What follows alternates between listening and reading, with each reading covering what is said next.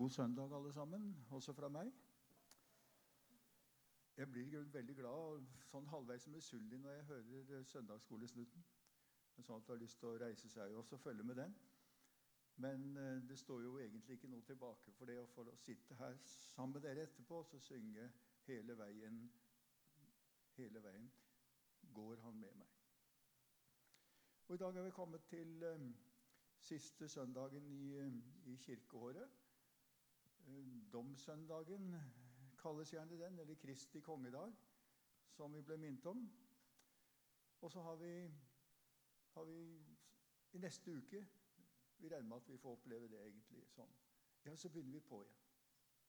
Så begynner vi inn i et nytt år, og så skal vi minnes også gjennom dette året. ikke sant? Så skal sammen med vårt eget liv, sammen med hverdag og helg, venner og lokalt og alt som skjer, så, vi, så minnes vi helt fra han kom ja, helt perspektiv helt tilbake til uh, skapelsen. Og så gjennom til vi står igjen kanskje et nytt år og ser Herre, du sier at du en gang så, så skal du også skape dette nye. Dette gjenopprettende. Og det skal vi bære med oss hele året. I, um, hos oss så, så, stanses vi da egentlig med disse tekstene som kommer inn og sier om dom og og det evige liv. Og, eh, men i jødisk sammenheng der runder de av så kaller de det Shimchat Torah.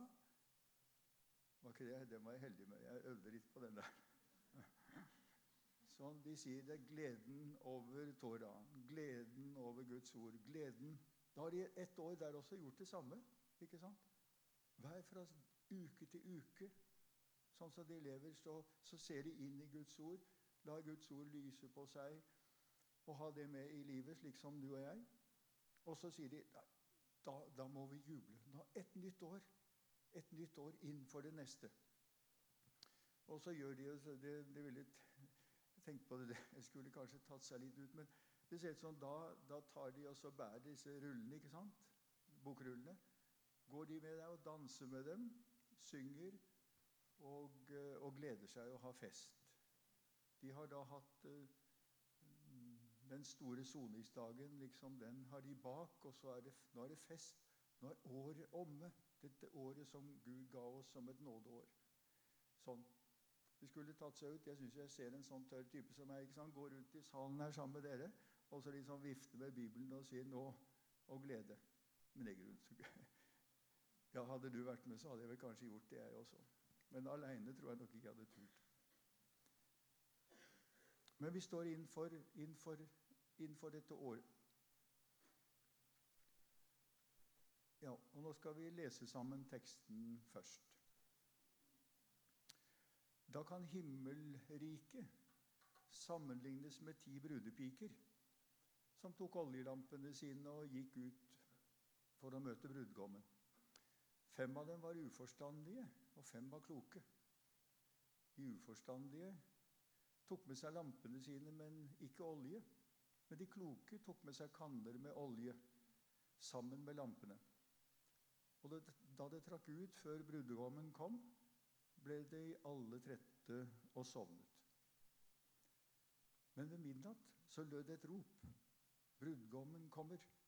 Gå og møt ham. Da våknet alle brudepikene og gjorde lampene i stand.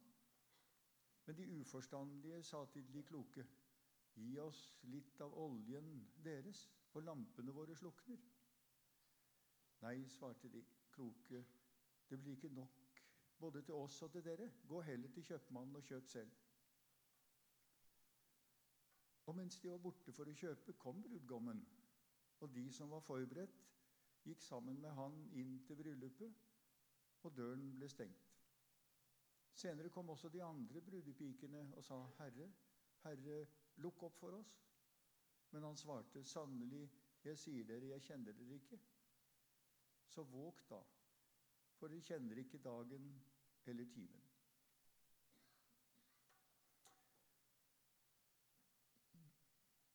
I teksten i dag så står det bare denne, liksom, bare selve lignelsen. Det er jo ikke bare, selvfølgelig. Men det står lignelsen som Jesus sier. En av disse som også da til oss skal være noe som kan være verdifullt. Utgangspunktet for alt, syns jeg, i Guds ord og for Jesus Kristus når han taler, det er at det skal, det skal være noe godt for deg. Noe som har betydning. Noe som er godt for ditt liv. Ikke sant? Og denne teksten her, selv om man, denne har vi hørt mange ganger og sikkert utlagt på mange måter, og jeg vet ikke hva jeg kan bidra med i så måte, egentlig. Hvis du ønsker og tenkte at nå skulle du få en stor tale om de siste ting og tider, endetidsperspektivene, eller få en tolkning av tidens tegn, samfunnet og verdenssituasjonen, så får du ikke det i dag. Jeg tror jeg må få lov til, selv om jeg kjenner slik som enhver som taler og skal prøve å stille seg fram med Guds ord, kjenner at det, det ligger, hva som ligger av, av stor betydning når Guds ord sier det at den som taler, han taler som Guds ord. Og da tenker jeg sånn at da ønsker han vel at det skal komme noe, iallfall noe som, noe som et lite ekko fra hans egenskaper, Guds egenskaper. Denne gode, langmodig, rik på miskunn, og som vil at alle skal bli frelst. Så hvis jeg tar, kaller det for um, lavmælte ord og tanker, da, ut fra en livssituasjon og mer lokalt, så håper jeg du tillater at det sies sånn uten at det virker påtatt. Men det er det det er, og sånn jeg tror jeg har fått det selv iallfall. Betydning for meg. Betydning for meg i hverdag, i de dager og om mulig år som måtte ligge foran. Så Jesus Kristus sier til meg, syns jeg, Per, dette her, det har, det har betydning for deg. Det skal ha en god virkning inn i ditt liv inn i din tilværelse og lese og høre dette fra meg. Det står eh, da, og det er Jesus som sier det selvfølgelig. Da, sier han. Da, da kan himmelriket sammenlignes med noe. Um, og hvis det er og Jesus Kristus som sier dette som, og lignelsen, så, så da ja, vi har jo noen store da foran oss i livet. Det ene er det som, som vi minnes om, og som vi synes særlig denne dagen liksom preges av. Da, dette endelige der Gud skal gjenopprette, skape en ny himmel og en ny jord, og holde dom, sier han, over mennesker og inn til hans evige rike. Da og over dette da så får vi noen glimt. ikke sant? Både at det kommer. Det skal skje. Det skal skje. En gang så skal også vi kunne regne med å leve i at det skal være noe av dette evige, forunderlige nye når Gud sier at nå gjenoppretter han. Sånn. Da. Men han sier samtidig at den dagen og den timen, den vet ingen. Så det ligger der som dette sikre. Men når? er det ukjente. Det vi vet at Når det skjer, så skjer det veldig fort.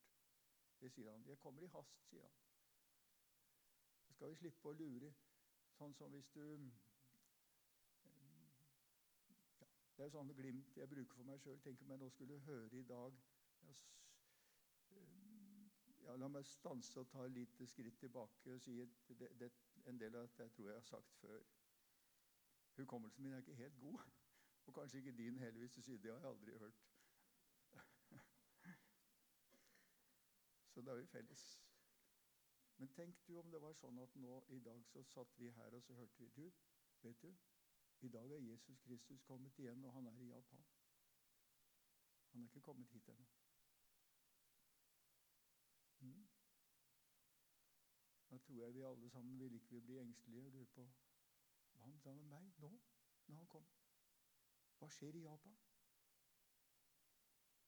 Så hvor godt det er egentlig at det er sånn at når han kommer, så ser alle.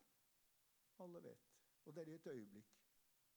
Så slipper den tvilen den dagen slipper å være der. Du Bør ikke tenke på det. Så ikke la det være bekymringen.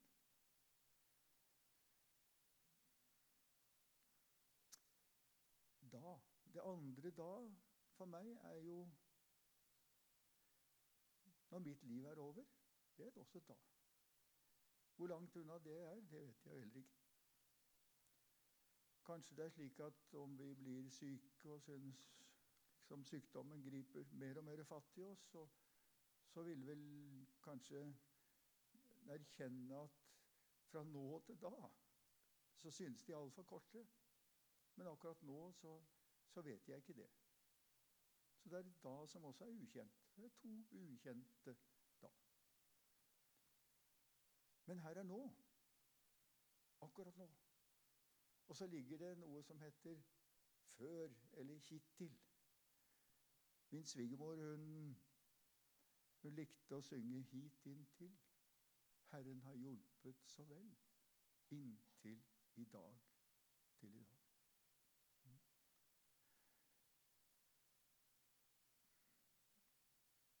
To hebraiske ord til. Det ene jeg, jeg, sa det for noen venner her for ikke så lenge siden. Var, jeg blir så overrasket noen ganger sånn når jeg leser om og liksom får Å ja, det var en helt annen måte å se tingene på. Sier at i morgen Et av ordene for i morgen Mahar betyr det som er bak. Det som er bak. Det ukjente. Det du ikke ser. Og i går til mål det er det som er foran. Det som er kjent. Sånn tenker ikke, sånn tenker ikke jeg, iallfall. Vi sier jeg har fremtiden foran meg, og så er det noe som ligger bak. Og så sies det at det er en måte å bruke dette ordet på som er sånn at det som er foran, i morgen. Det ser du ikke. Det vet du ikke om. Har ingen anelse om. Det er bak deg. Det er skjult. Og så ligger det foran deg. Hva ligger foran deg? Jo, der ligger dagen, gårsdagen, det som har hendt.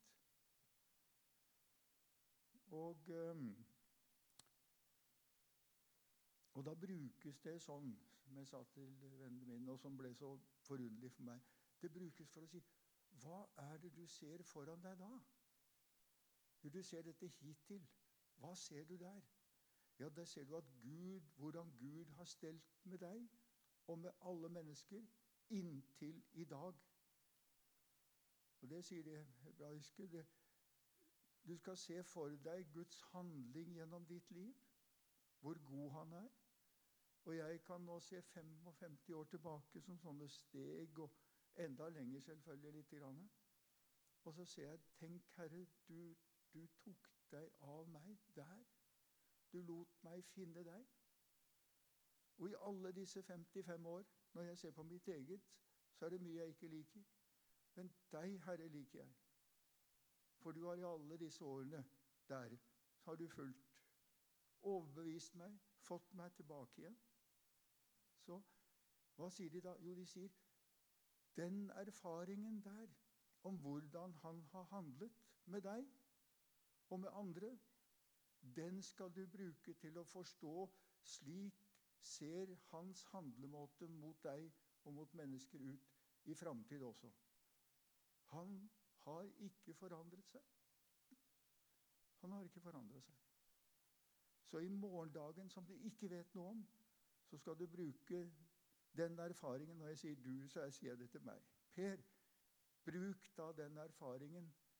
Sånn vil han være. Sånn er han.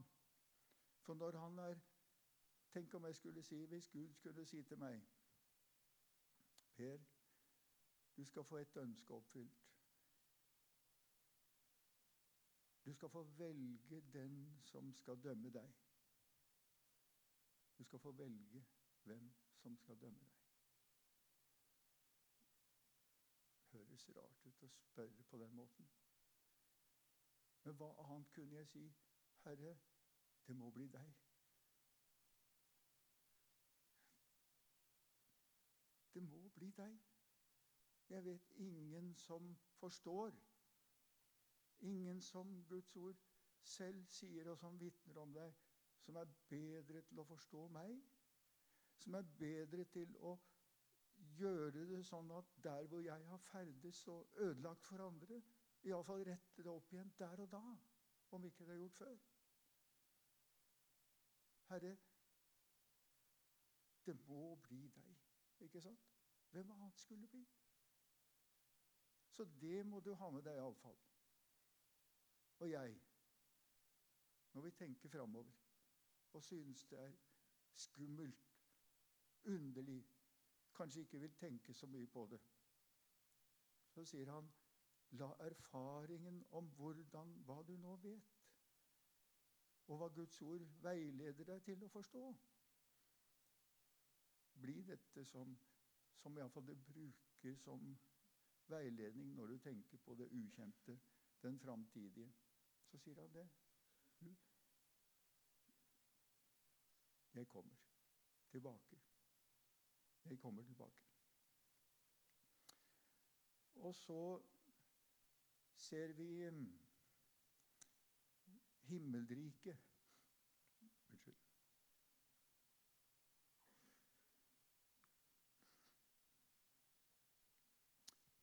Jesus, ikke sant? hva er det vi får glimt av? Han har samlet rundt seg sine. De nærmeste, de som har fulgt han, Og så er det sikkert en stor del Det er visst en stor flokk. Ikke sant? Og så forteller han denne lignelsen. Og Vi ser jo flere lignelser når Jesus bruker det. Så er det ikke for å gjøre det vanskelig, selv om jeg ikke forstår det. Det er en annen sak. At den som er lærer, og iallfall jeg har vært elev, og jeg, læreren min har syntes ja, sikkert han har sagt det så enkelt han kunne. Og jeg sier jeg skjønner ikke, jeg, lærer. Jeg hadde en, en ja.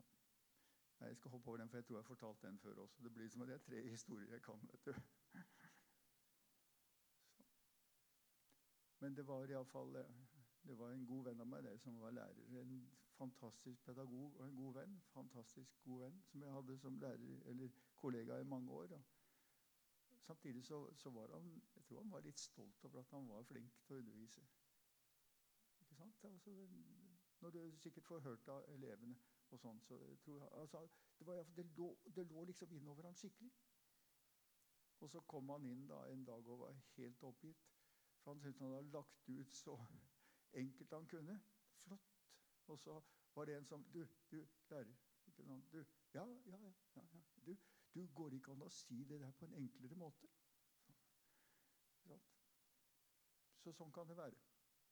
Så når jeg ikke forstår Guds ord, så er det jo ikke fordi ikke Jesus Kristus eller Guds ord prøver å gjøre det enkelt, men avstanden til forklaringen så, og situasjonen er så stor. Men vi ser jo vi ser ikke sånn to Han sier du, det går an å være forstandig, og så går det an å være uforstandig. Ikke sant? Det gjør det. Det sier han til sine venner, sine nærmeste. Og så er vi kommet inn i det, du og jeg. Helt nå, 2000 år etterpå, så sier han det samme til oss. Du, det går an å være forstandig. Det går an å være uforstandig.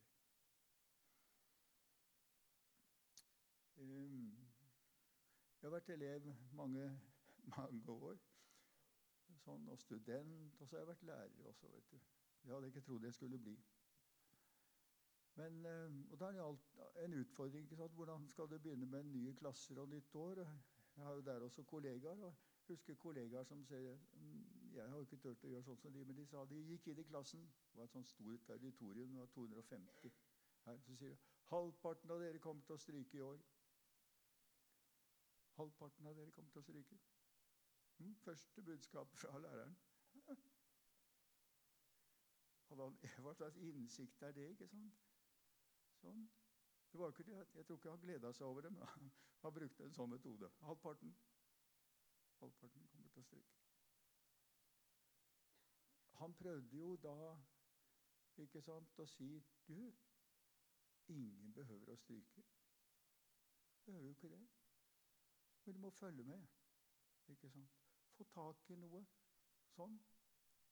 Ingen, ingen som behøver å stryke. Det lå ikke noe glede i det. ikke sant?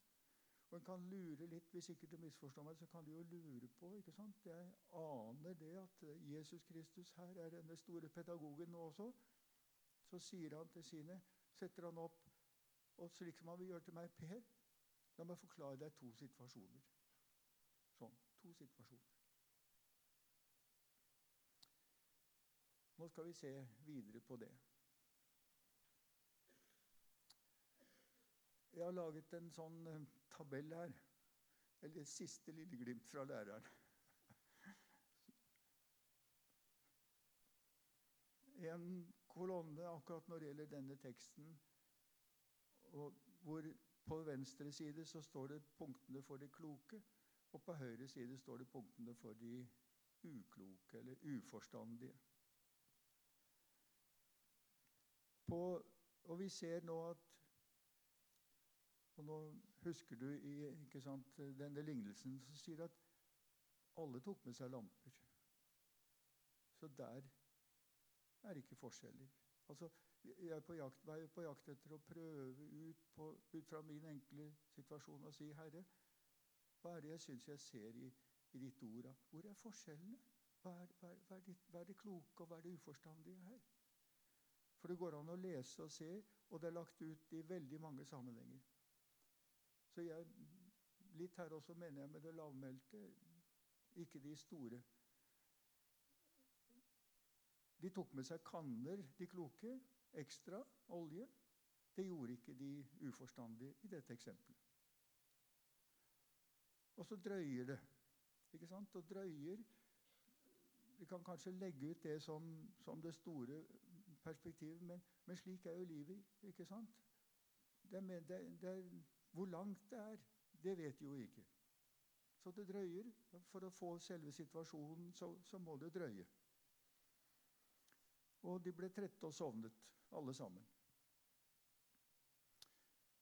Det er det jo ikke noe spesielt med i denne situasjonen her heller. Det er ikke noe galt i det, ser det ut til, i eksempelet. Brudgommen er ikke kommet. Men så, kom, så går dette ropet 'Brudgommen kommer'. Gå i ham i møte. Og da våkner alle sammen og gjør lampene i stand og tenner dem sikkert også. Men så går det enda litt tid i eksempelet. Og så, så slukner lampene til disse uforstandige. Og så spør de da, i eksempelet Det er jo en, egentlig en fantastisk historie. Så spør de de kloke, ikke sant Dere har jo så mye, få litt av oss. Og det er vel slik at det, da, det volder litt bry for tanken også. Det er ikke sant være med disse kloke som er sånn at ikke de kan være Hva? Det går ikke an å være klok og ikke være såpass vennlig at ikke du gir det bort. Gi bort noe når du har selv. Um, jeg har um, jeg vil si én god venn, så høres det ut som jeg har bare én eneste. Men jeg har jo, håper jeg har flere, da. Men det er tre stykker som av og til møtes sånn um, og klunke litt. Det, det, blir mellom venner hvis jeg sier jeg klunker på gitar, men du må ikke utfordre meg her, da, for det, blir, det, måtte være helt på slutten av et møte for å være sikker på at alle går. Sånn. Men han sa når i en eller annen sammenheng vi prata, så sa han Per, du ville jo gitt meg litt olje, ikke sant? For han så lå det altså, Dette her lå som en smerte. Hva, hva, det, hva foregår? Det ser ikke ut til å være det. Så de sier de har ikke nok til begge. Kanskje Hvis en skulle tenke historien, så kan det jo hende, som enkelte sier, at det er rimelig at hvis de nå delte, så det fremdeles gikk tid, så gikk det sånn at da slokna alt sammen. da. Så da kom ikke fram budskapet på poenget. Poenget er ikke der. Det er det, kanskje. Og så går de og kjøper. De er kloke nok til det å gå og kjøpe ikke sant, i historien. Og kommer tilbake. Men da har brudgommen allerede kommet, og de som var der Det er jo et gjestebud. ikke sant? De fikk komme inn. Så hvor er forskjellen? Hvor er forskjellen? Det har jeg spurt meg om. Og jeg, jeg sier jo ikke at jeg har noe, noe spesiell innsikt i så måte, men den eneste forskjellen her egentlig sånn i situasjonen som leder til den konsekvensen der, den var jo helt fra starten av. Det så ut som de kloke i dette tilfellet her, de passet på at de hadde litt ekstra olje. Ikke sant? Der. Så det er helt i starten at eksempelet sier der begynner noe. Og konsekvensen av det, forskjellen der, den ser du først langt ute og langt etterpå. Og det syns jeg Jesus sier når jeg sånn i dette eksempelet til sine. Det er jo det. Til sine. Det går an å være klok, og det går an å være uforstandig. Og Nå har jeg tre eksempler fra andre lignelser som jeg synes sier noe av det samme, og kanskje dermed begynner det også å åpne for meg selv hva denne forskjellen egentlig er i. Som gir sånne konsekvenser. Hvis vi lar den få virkning for oss. Det er jo bare da. Ingen behøver å stryke i denne undervisningen her heller, sier Jesus Kristus. Det ene er fra Lukas, og du husker denne lignelsen.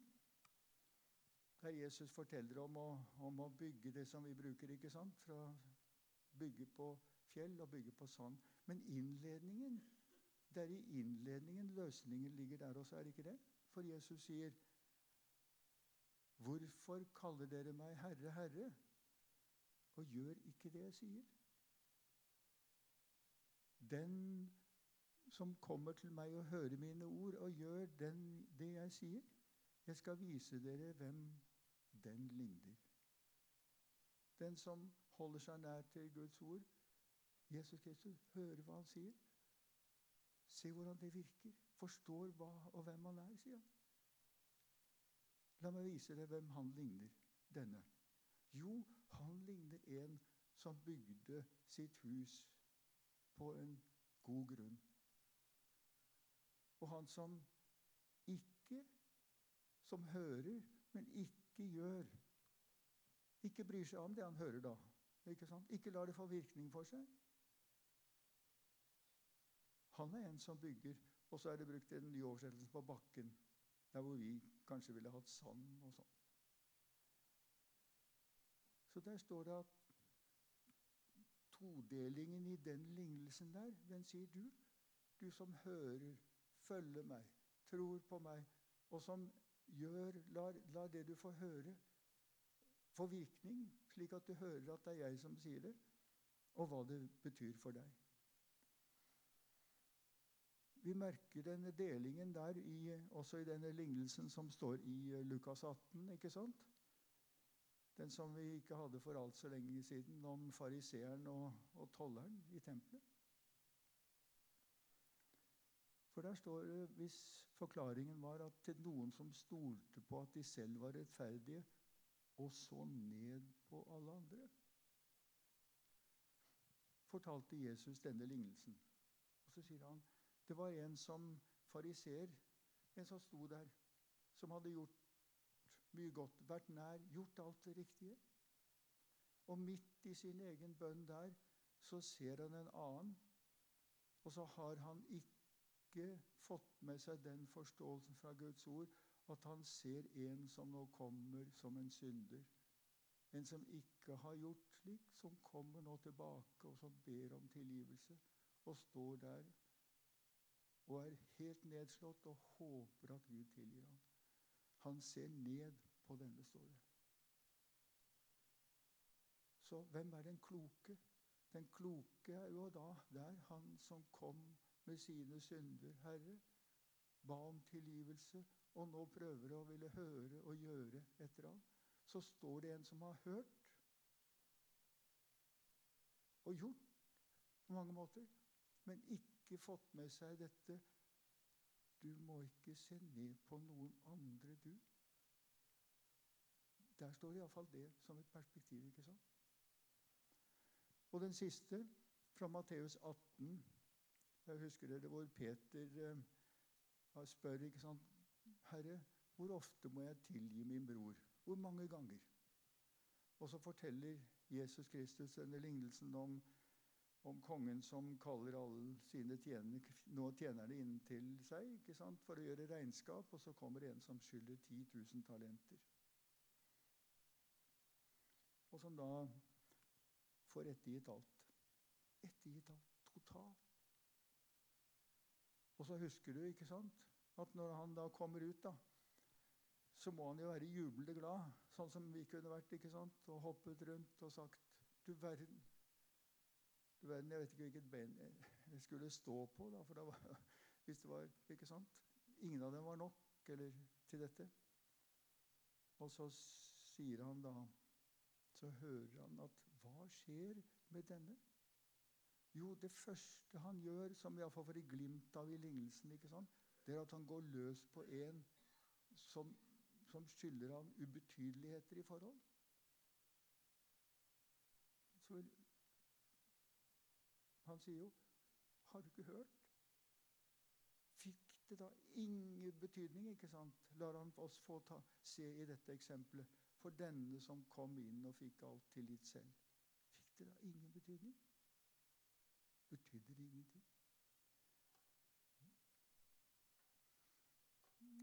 Jeg har nevnt denne, dette glimtet fra andre, første kongebok åtte Nei, unnskyld, ti.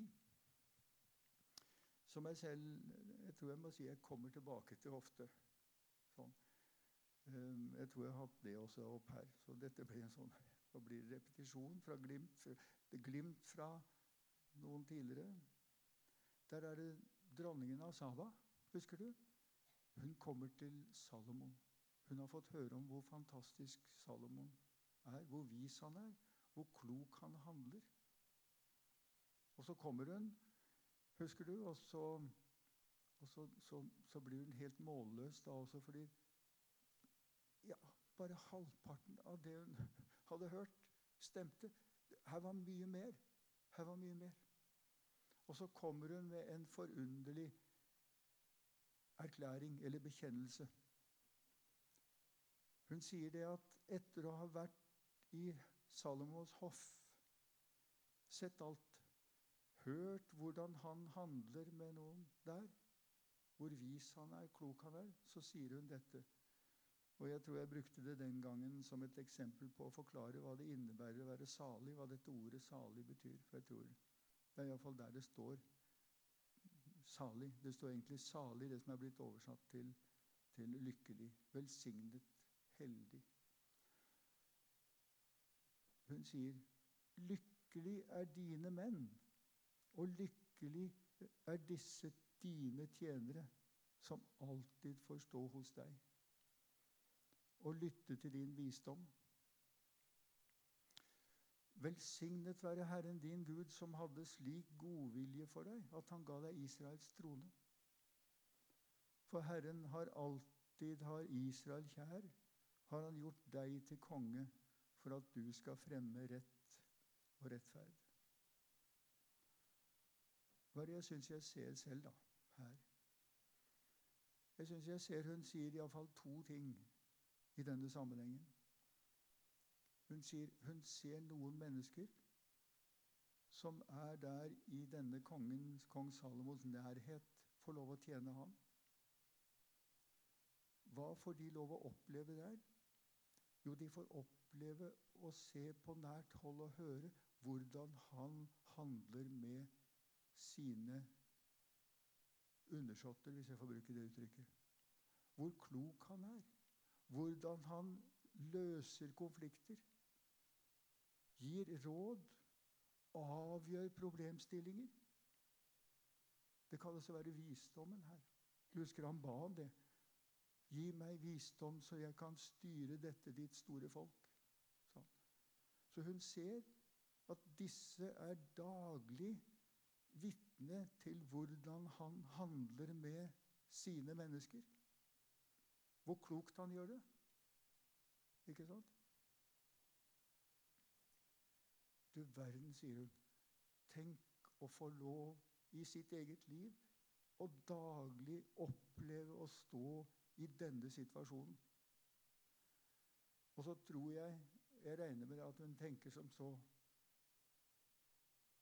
Det må ha betydning for dem når de går hjem. Ikke sant? Når de er kommet hjem.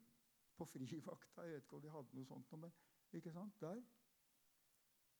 Tror du ikke de da Når, når de da skal prøve å, å, å, å, møte konflikter i sitt liv, eller møte andre mennesker der de ferdes, i, i den gata de bor, eller det bygget de er, eller kanskje de har Kanskje de har ekstraarbeid, hvem vet? Så sier hun da Jeg tror hun sier det ikke sånn Da må den måten de har hørt og opplevd og sett at Salomo handler på, den må ha, den må ha, den må ha virkning. Ikke sant? Enten, ikke fordi de har bestemt seg for at nå vil jeg gjøre som Salomo, men på en eller annen vis sånn. du, du, du kjenner det på innsida at en sånn godhet, en sånn visdom, en sånn væremåte som de opplever selv der, og ser Salomo handle med, sånn ønsker de å preges av. Ikke sant?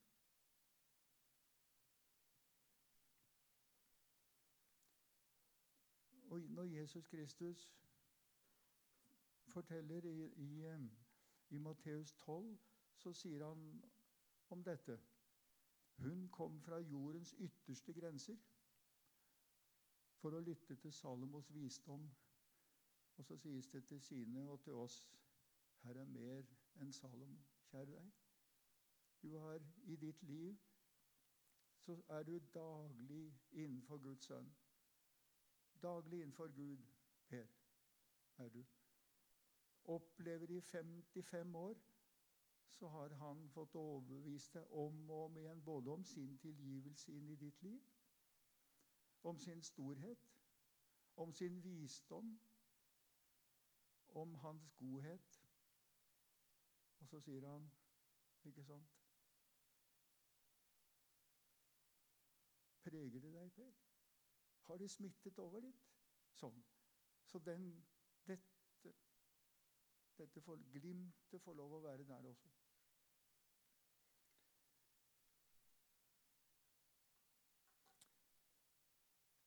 Og så står det da Senere kom også de andre brudepikene og sa, 'Herre, Herre, lukk opp for oss.' Men han svarte, 'Sannelig, jeg sier dere, jeg kjenner dere ikke.' Jeg kjenner dere ikke. Det ser brutalt ut, ikke sant? Det gjør det.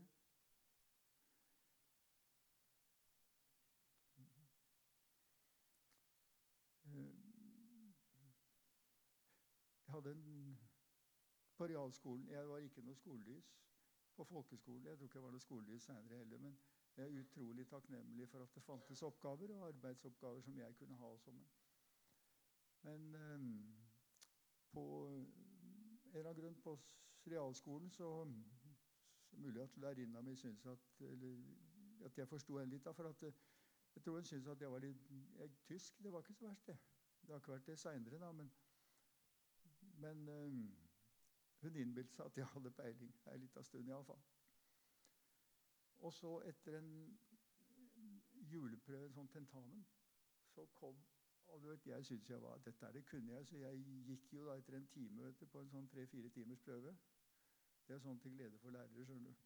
Da kom hun rasende etter meg i gangen og ga meg inn. ikke sant? 'Hvorfor i all verden kunne du ikke sitte der?' 'Jeg kjente deg jo ikke igjen, Per', sa hun. Kjente deg jo ikke igjen.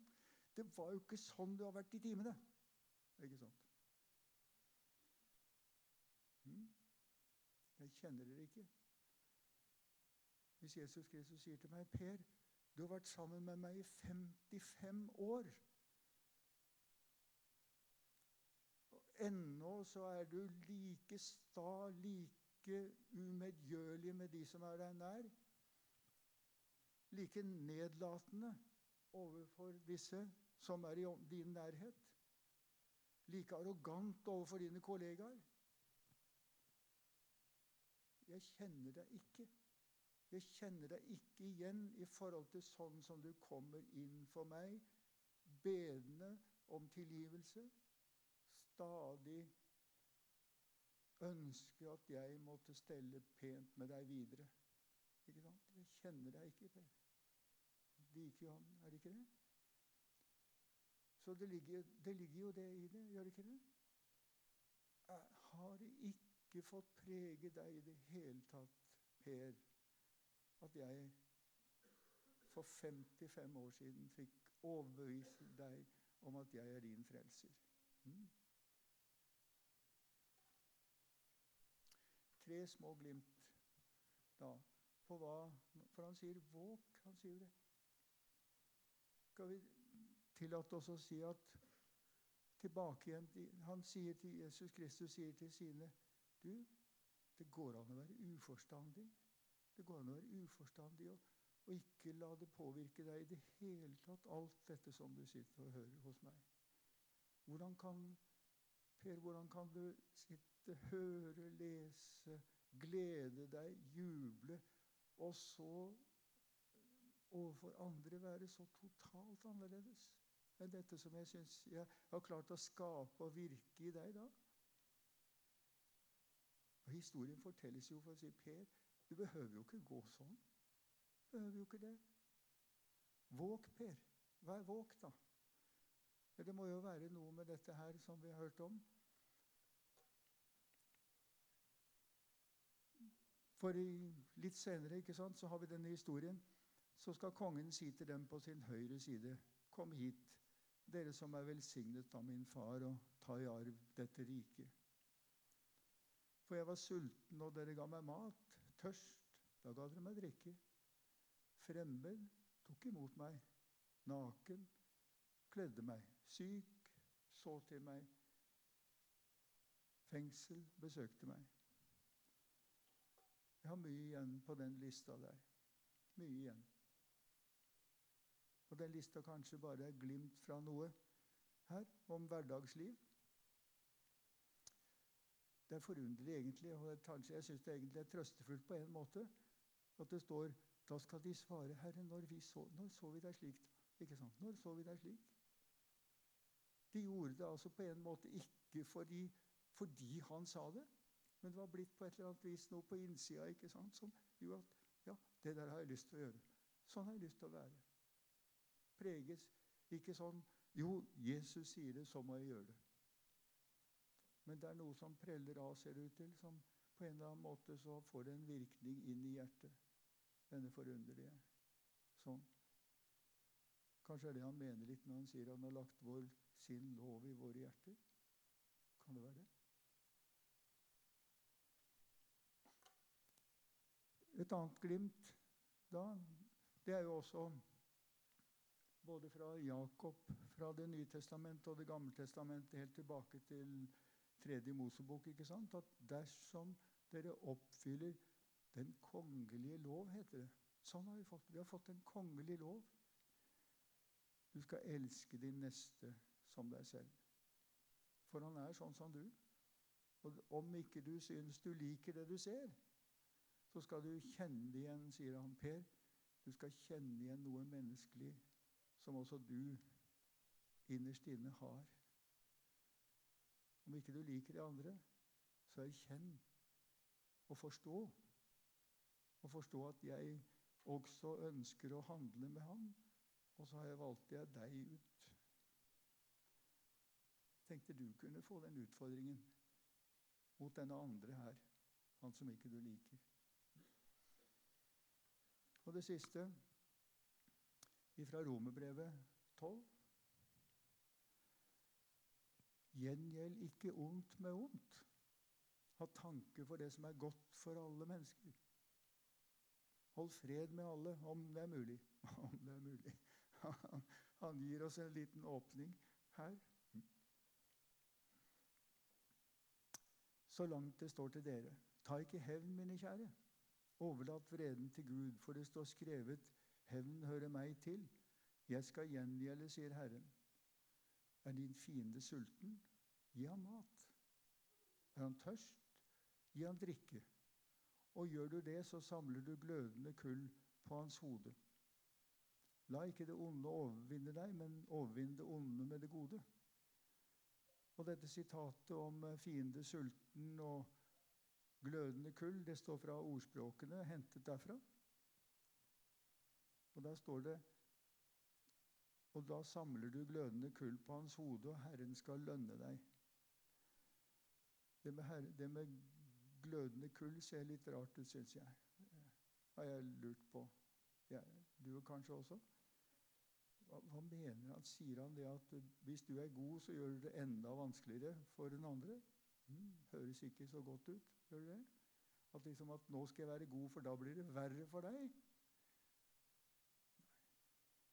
Og det er vel sånn det tolkes. Men Da blir jeg glad jeg vet når jeg finner andre forklaringer. Iallfall noen som sier her er et perspektiv til. Ta med deg det. Og det var en uh, finsk professor som heter Santala, um, som har skrevet en del bøker om det gamle, fra Det gamle testamentet og studert mye i dette. Og sier han vet du, jeg fant i et gammelt skrift en annen forklaring også. En, en historie, en måte å være på, tenke. Og det var at når denne kom, denne fienden kom og spurte om å få mat og, og hjelp, så sto de Ja, så, så, fikk han ikke bare mat, men han fikk med seg kull. Han fikk med seg glødende kull for å hold, skape varme, holde varme. Ikke sant? For de hadde ikke muligheter til å lage varme sjøl. Så han fikk med seg det også. Og bar det hjem da. Jeg fant et sånt bilde fra Etiopisk der det er sikkert noe helt annet oppi, der, oppi det der. der. Men så gikk den, denne hjem fornøyd. Ikke bare hadde han fått mat og vann, men hadde fått ild og varme til å hjelpe seg til å komme videre. Herren skal lønne deg for det. Hm? Så det leser jeg der i stedet. Så, Per Denne historien om de ti. De kloke og de ukloke. Du behøver ikke gå sånn som jeg forteller det i historien om de ukloke, uforstandige. Behøver ikke det. Hør, lev, la deg påvirke i glede. Hit inntil Herren har hjulpet så vel. Hele veien går han med meg, sang vi. Og nå er det på tide at det slutter skal vi be sammen. Herre, himmelske Far, i Jesus Kristus. Nå lover vi og takker og priser deg, Herre, for din godhet. Du lot oss få kjenne deg, kalte oss inn i ditt rike. Og du har lovet at du vil gå med, Herre. Og vi vet fra erfaring at det har du gjort. Og dermed er vi trygge på at det vil du gjøre så ber vi at du må hjelpe oss til å forstå både lignelsene, denne og de andre og ditt ord, så vi alltid holder oss nær til deg, Herre. Varme våre hjerter og kall på alle mennesker alle steder, så ikke en eneste en behøver å være utenfor eller er forgjeves at du kom som verdens frelser.